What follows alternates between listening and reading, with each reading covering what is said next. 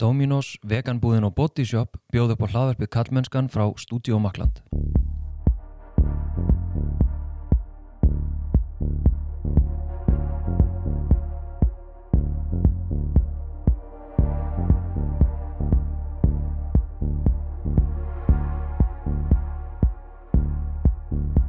Ég heiti Þorstein Maff Einarsson og sé um samfélagsmiðlinn Kallmennskan á Instagram og Facebook og kallmennskan.is þar sem byrtast óreglulega pistlar og greinar til dæmis mögulega upp úr þessum þætti. Þá getur þú gerst bak kjarl þessa hlaðvarps og fræðslumiljunar á samfélagsmiðlu með því að skráðið sem mánaðarlegur styrtaræðli á kallmennskan.is skástrygg styrkja.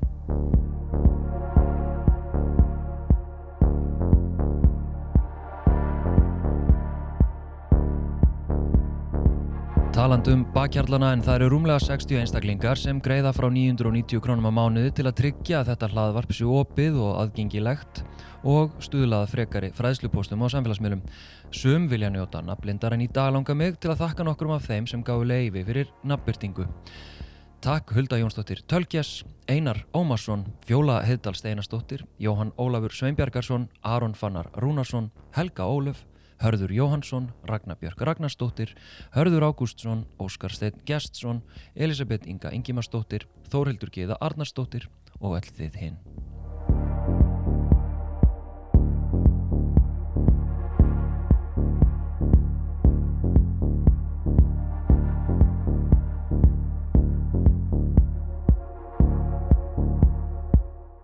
Kynbundin launamunur er eitt merki misréttis í íslensku samfélagi sem þó telst framsækið og tali standa framælega í jafnbreytsmálum. Kynbundin launamunur hefur minga á síðisleunum árum með markvissum aðgerðum og vegna eftirfylgni meðal annars verkalýs reyfingarinnar. Sonja Ír Þorbergsdóttir, formaður BSRB, er mætt í stúdióið og við ætlum að ræða af hverju kynbundu launamunum fyrir finnst ennþá, hvaða hindranir eru til staðar og hvaða aðgerðir þarf að ráðast í og, og, og svo frammeðis. Velkomin, Sonja. Takk fyrir. Ef ekki að byrja á því kannski bara að fá pínu skýringar, sem sagt, Muna, þessi kynbundni launamunur uh, hann á sér einhverja sögulega skýringar eða ekki? Mm -hmm. Í grunninn það er alveg hægt að reykja þetta aftur til þess þegar fólk voru að vinna fyrst og fremst á sko sveitabæjum að þá voru störfin strax kynskipt. Það voru vinnukarlar og voru vinnukonur og algengast var að konur var að vinna inni og, og kallar úti og þeir fenguðu herri laun. Og, og það var mér sett alþingisamþygt um svona þessi störf og, og í kringum 1770 um að konur ætti að fá kallmannslaun eða vera að vinna e, við sömu störf og, og það gekk ekki eftir. Þannig að það var alveg um helmingsmunur og stundum alveg tveir þriðju hærri launin hjá kallunum. Svo þegar við fyrir kannski að vinna meira úti, að þá líka eru konur að fara meira í störf sem eru þá bara konur í, hvort sem maður er að vinna inn á heimilum annara eða í símastörfum eða svona þessi fyrstu störf sem voru að koma á, á vinnumarkaðin og auðvitað ljósmaðustörfin og alltaf veru launin læri hjá konum heldur um köllum. E, þó að kannski ábyrðin og, og svona það sem er verið að gera og líkanlegt álag sé svipa. Síðan það sem er gerist líka er að í kjærasamningum sem er þá byrjað að gera þarna fljóðlega eftir 1900 að þá eru sérstakki takstar, það er annars vegar launatakstar fyrir Karla og, og fyrst voru þetta sérstakki launatakstar fyrir konur og úlingstráka, þannig að þau þóttu vera á pari. Jó, og voru það bara lærri og, og þetta er að haldast alveg svona fram undir 19, fram til 1967, þá er verið að útrýma þessu úr síðustu kjærasamningunum það sem er þá verið að viðkjöna allavega í kjærasamningum eigi að tryggja sömu laun hvenna og kalla en það sem að helst áfram er svolítið þessi kynskipting. Það er að segja að konur séu í ólíkum störfum á við kalla og, og störfin sem kallarnir eru í að meðluta til að þau eru yfirleitt metin betur til launa heldur en hvernastörfin Og, og liggur þá þar hérna ég var að segja hundurinn grafin hérna, ég er að því við þekkjum ennþá kynbundu launamun og er þá bara rótin hvernig við metum þessi störfi eða?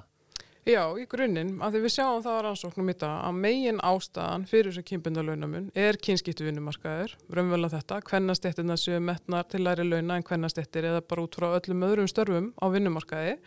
og þetta er tvíþætt, annars er að störfin sem konur er að sinna í dag sem að er að stærstum hluta til hjáinu ofinbera, það er að vinna í heilbríðskerfinu, í, í skólunum og í félagsþjónustu og, og þetta eru þá svona mörg störf sem eru þess eðlis að, að það var, þeim var synd heima við áður. Og, og síðan eru búna til stopnarnir til þess að auka stuðning og velferðarkerfið. Og, og við mögum vera stolt af velferðarkerfinu.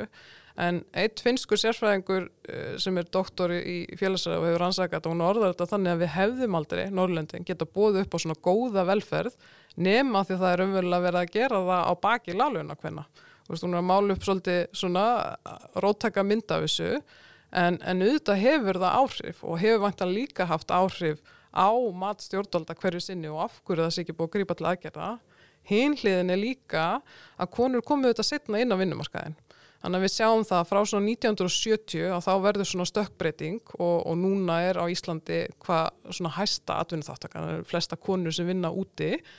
en, en þessi hugmyndum svona fyrirvinni hlutur kalla að þeir þurfa að vera á harri launum heldur en konur að þeir þurfa að vinna fyrir heimilinu og, og börnunum og, og reksturinnum að það, það er enþá mjög svona grunt á þessum hugmyndum sem kemur náttúrulega út frá því að að hérna áður fyrir voru þá konur heimavinnandi og, og, og kallar út á, á vinnumarkaði. Og það er rannsók sem er bara frá 2009 meðal stjórnenda hjá ríkinu það sem maður sér að meiri hluti er að viðkenna það að, að þeir hafa en þessar hugmyndir að kallar eiga að hafa herri laun heldur en konur út af fyrirvinnu hlutverkinu þannig að, veist, að er þessi atriði sem að búa með okkur ómeðvitað sem að þarf einhvern veginn að fara að draga fram í umræðana til þess að við skiljum af hverju við erum á þessu stað Já, einmitt. En ég meina að því að nú var svo mikil umræði hérna fyrir einhverjum árum síðan og kannski er það ennþá hérna innan verkefliðsir hreyfingarinnar eða á vinnumarkanum, ég bara er kannski ekki nógu tengtur honum til þess að heyra það en það var svo mikil umræði um sko jafnlaunavottun og ég man í umræðinni að þetta átt að vera eitthvað svona bara bilding og, og, og, og bara frelsun einhvern veginn. Ég meina, er þetta apparat bara gallað? Er, er þetta ekki að ná utanum uh, þessar áskorunir? Kymputu launamun og hvernig störnur eru metin og svo frammeðis? Sko, jafnlauna staðallin er svona einmitt verkfæri til þess að draga fram launamunin og það er verið að búa hann til millir 2008 og 2012 og það er verið að gera það bara á bestu þekkingu sem var fyrir hendi þá. Og það sem er mjög gott við þetta verkfæri er að hann setur ábyrðin á atvinnureikandan að passa upp á launajabrétti en ekki eins og vill gætna vera að, að við tökum bara eins út frá konum að það er einhvern veginn að bæða átt að sjá því hvort að aðrið sé á herri launum og á hvaða ástæðum og hvort að það sé kynjamisetti og svo að elda það með því að fara með það fyrir domstóla eða einhvern veginn svona elda sín réttindi sem að líka fylgur oft í sér útskúfun þú veist á vinnustanum, eitthvað svona einangrun það er oft svona mætt með mikill hörku og þykir ekki réttlátt en staðallin, hann var sérst búin til og við vissum allan tíma sem byggum mann til að hann myndi ekki útrýma kynbundu launamun heilt yfir. Og hann, við tölumstundum um það að hann afmarkast bara við húsið þar að segja við, við svona hvern og einn atvinnireganda eða vinnustad af því að það fyrir eftir kennutölu en, en núna er kannski líka búið að byggjast ofan á, á þá þekkingu og við vitum að til þess að leðir þetta lögn hvennast þetta þá verðum við að hjálpa þeim að, að það sem mögulegt að gera samanburð yfir ólíka vinnustæði veist, að sjúkrarlegar getur borðið sér saman við lauruglumenn að fangaverði veist, þetta er ekki sömu vinnustæðinir en, en þau vinna öll raunverulega hjá sama atvinnureikanda sem er ríkið. Já, einmitt. Menn, en þetta lítur að vera pínu flókið í, í framkvæmt sko, að, að, að meta ólík störf þannig séð. Veist, hvernig er negu að já, er þú kannski með eitthvað lausn í því? Hvernig eigum við ef að kvennastörun eru kjærfisbundi metin lægra en kallastörf jafnvel síðan þurfum við að skoða að þetta eru sambarleg störf einhverju leiti til þetta krafna og mentun og svo framvegis veist, þarf eitthvað einhverja mjög róttakar byltingakendar hérna, aðgerir til þess að meta störfin með sangjarnir hætti eða, eða hvernig getur við gert það? Eða þið? En það er kannski mitt ástæðan fyrir því að við erum á þessu stað er að, að fólki er náð fyrir þóttit og það flókið og það var ekki ráðast í þetta verkefni. Eh, sko í fyrsta lagi, náttúrulega það er stort skref ef við segjum bara við ætlum að setja fókus á kvennastettunar og við ætlum að fara í að leiðrætta þær. Og það er auðvitað mjög mikil vinna sem fælst í því að, því að það er ekki sama aðferð fyrir alla. Þú veist, þú getur ekki sagt ég ætla að gera þetta fyrir heilbyrðstettunar og síðan eitthvað annað fyrir þá sem eru í mentakerfinu og svo framvegis. Eh, en þetta snýst um að draga fram þennan bæjas sem við erum öll með, svona ómeð þetta hlutregni. Og, og það er ekki gert öðruvísi en að fara bara í svona mjög djúpa greiningu og viðtöl við fólk sem er að sinna þessum störfum. Og þú ert að draga fram þess að þætti sem að enginn hefur kannski velt fyrir sér áður. Og þetta er mjög oft störf þar sem þú ert í miklum nánum persónum samskiptum við einhvern og, og sumir kalla það að maður sé að hérna, gefa af sér ástarkraftin sinn eða þetta er svona tilfinningalegt álag sem að hérna, fylgistarfinu út er umverulega að þú ert að gefa af sjálfum þér til annara í stuðningi og, og hérna, svona sína samkend að, að það tekur sinn toll og það sé ekki bara eitthvað sem að sé svona út frá personlegum eiginleikum hvenna, þú veist að þeim sé það bara eðlislegt, það er það öllum sem manneskjum og þess vegna að meta það til launa því það tekur að þið toll, alveg eins og líkamlega vinna, þú veist þá bara að meta það með sama hætti. Þannig að það er kannski stóra aðri sem er alltaf verið vannmeta, það er bara svo gefið að fólk eigi bara að gefa af sér en það er ekkert sjálfsagt og eðlilegt að þú fáir ekki laun í samræmi við það mm. og svo er líka svona mörg önnur minni atrið sem að fólk kannski veldur ekkert endilega fyrir sér eru út að sinna fólki og kannski mjög gænt að það sé litið þannig að geta einhvern veginn hver sem er hlaupið í skarði, þú veist það er ekki metinægilega vel hvaða reynslu eða þekkingu uh, og bara svona, já, þú hefur inn í þetta starf sem mikilvægt til þess að geta sint þjónustunni betur og fólki betur og eitt atrið sem við nefnum til dæmis er að þú, þegar þú ert að sinna mörgum og, og það getur svona mismund aðstæði verið uppi og, og mögulegt að vinna með einhverjum sem bara heilabilluðum sem að geti farið og, og rokki út úr húsi og það að elda og svo framvegis að þú þart að forgansa og það er tímastjórnun og þá að metta það til launa líka. Og við hefum líka hortið þess sem maður ber saman eins og millir stopnana Um, það svona, hefur verið metið minna til launa eitthvað svona sem að kem, þú ert að gefa af þér andlega heldur líkanlega þannig að eins og kallastéttum það er að gætna meira líkamlegt í þeirra störfum sem er metið þá hæra til launa heldur en hvernastéttunum en þetta er svona samt þetta er að taka jafn mikið toll af þér. Þess vegna þarf eitthvað neina að rétta kursin af í þessu. Mm. við tökum eins og háamengun í skólastofum. Það eru mjög margir sem að starfina kennarastéttum það sem eru að verða hálfur allösir af vinnunsi, það er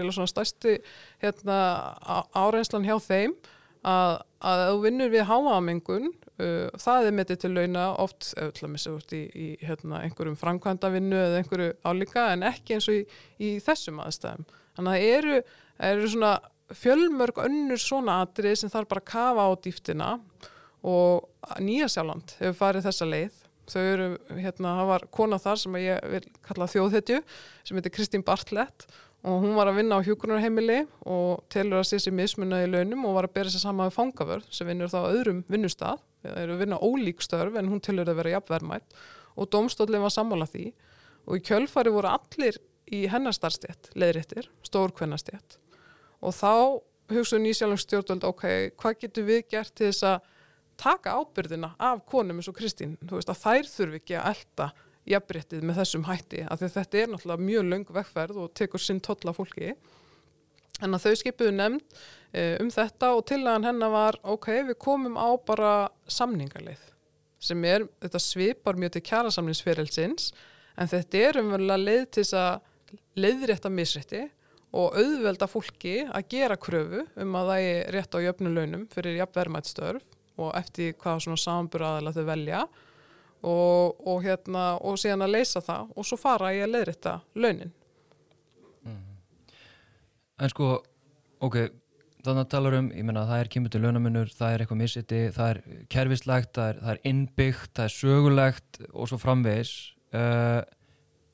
en einhver hlýtur að réttlæta hérna þetta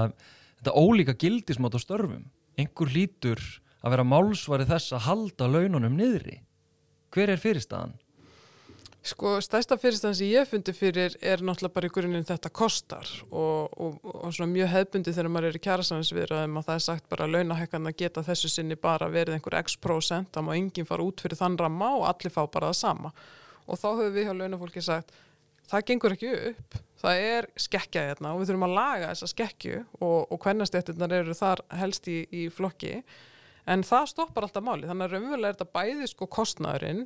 en, en svo finnum að það líka að menningin okkar uh, hún náttúrulega svona ítir undir það að fólk vil halda sinni valdastöðu og alveg eins og þegar konu var að koma inn á vinnumarka fyrst eða þegar bara umræðan almennt um að þetta tryggja launajabrétti uh, var að byrja og svo þó núna að það er leiðrætt að laun kvennastéttana að þá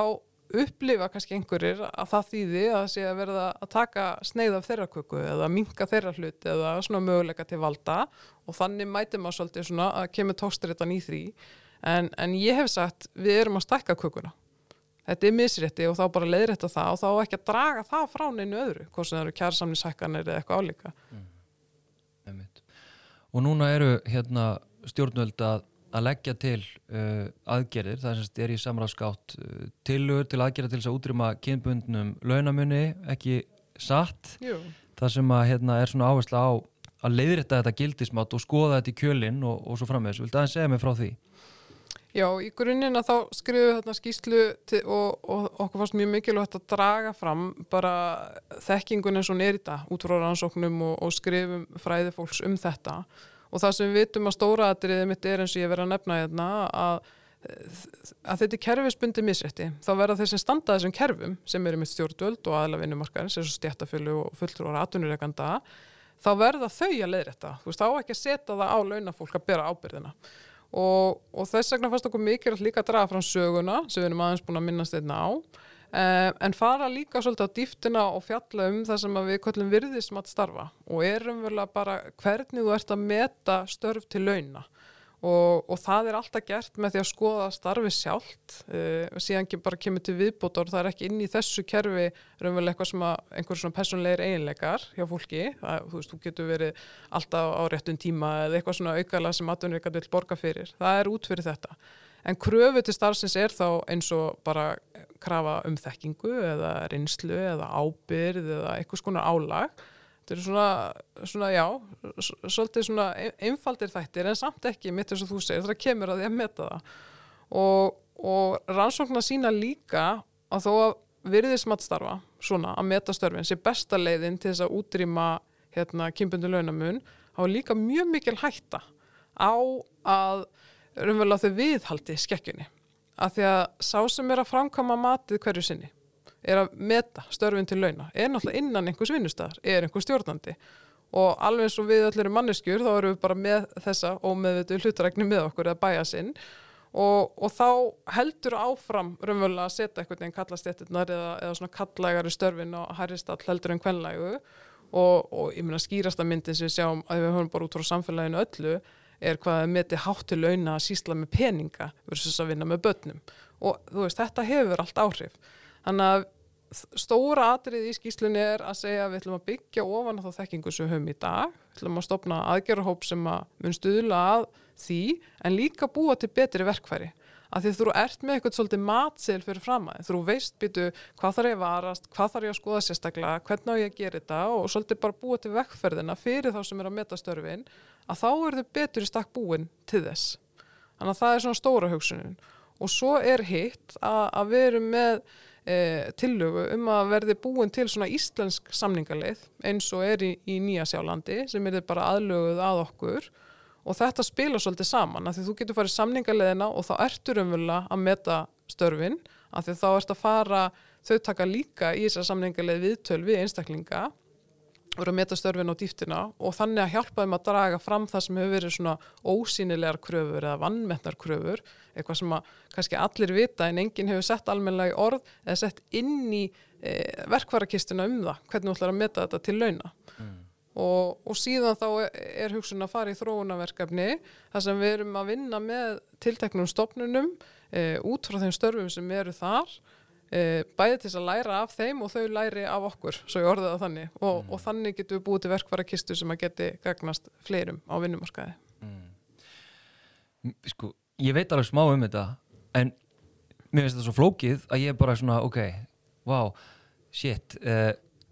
hvað ég takk út úr þessu, hvað þýðir þetta hvað merkingu hefur þetta, hvað segir þetta mér sem bara venjulegum einstaklingi sem starfa ekki innan stjættafélags og, og eitthvað svona almennur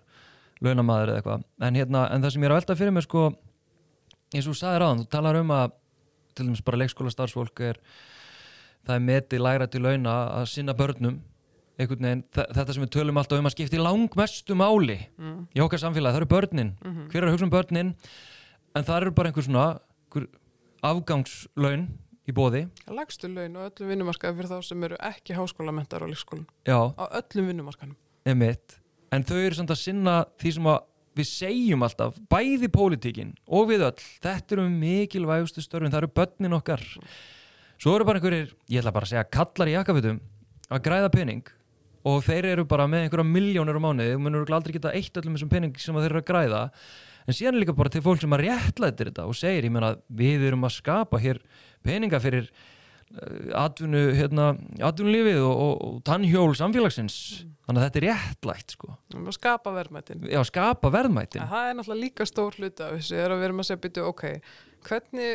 hvernig myndum við ná ja, bara atvinnlífið að skapa verðmætin ef það væri ekki fyrir það að þú geti farið með batnið þitt í leikskóla og kemur síðan í vinnuna þína eða að það er einhver sem er að, að sinna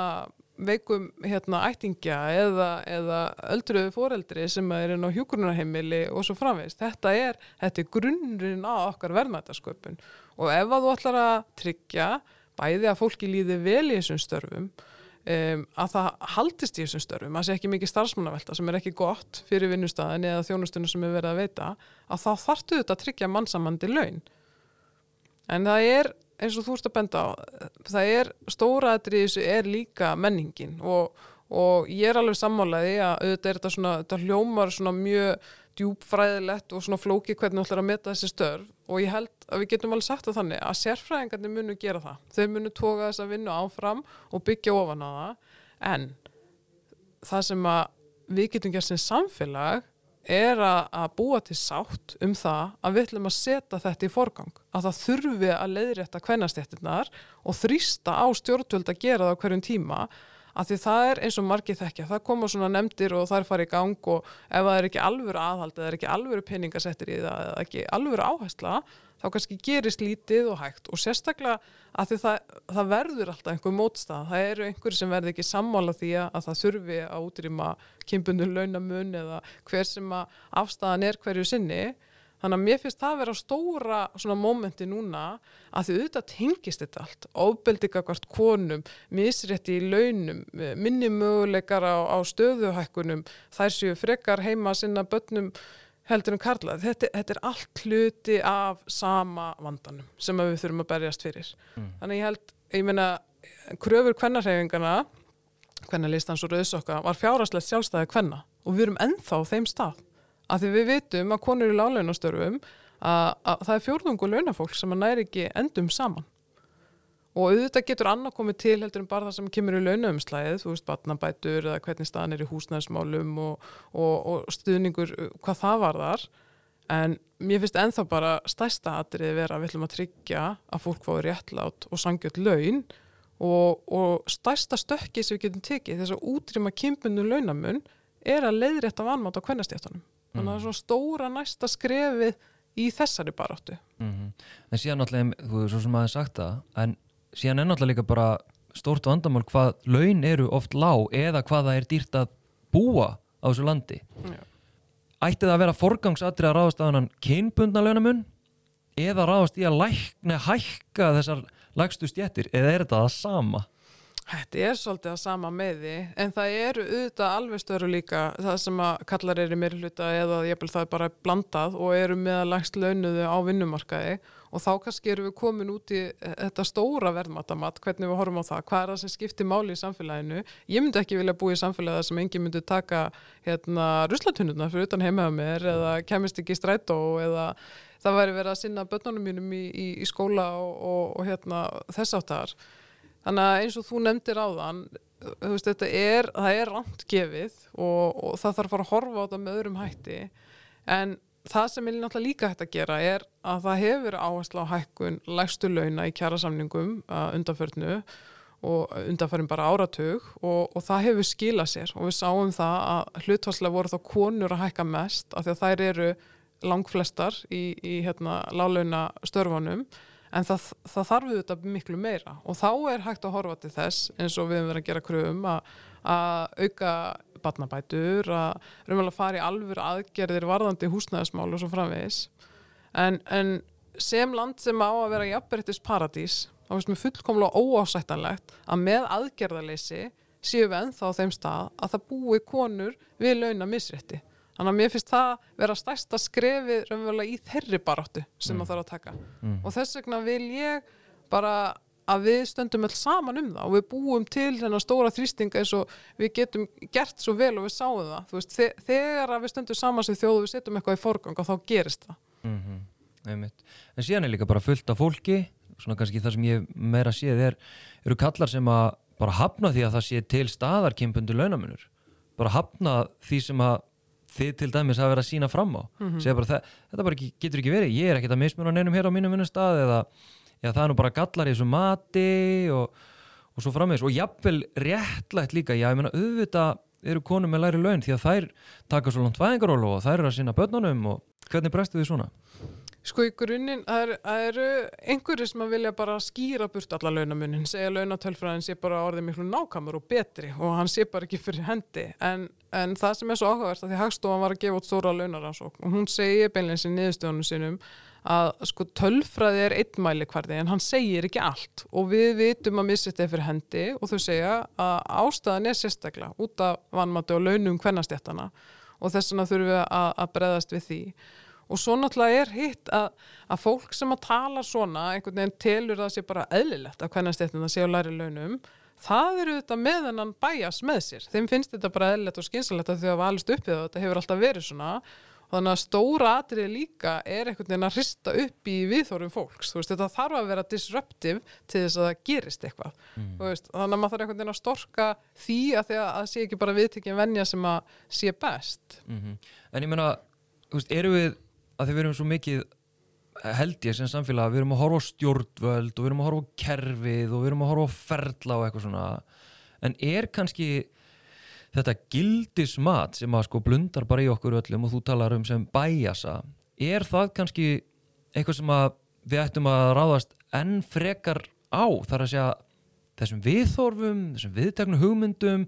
þessum hérna í rauninni hugmyndum okkar um, um æskilegt kyn, hlutverk, veist, hvað fólk á að gera heima hjá sér uh,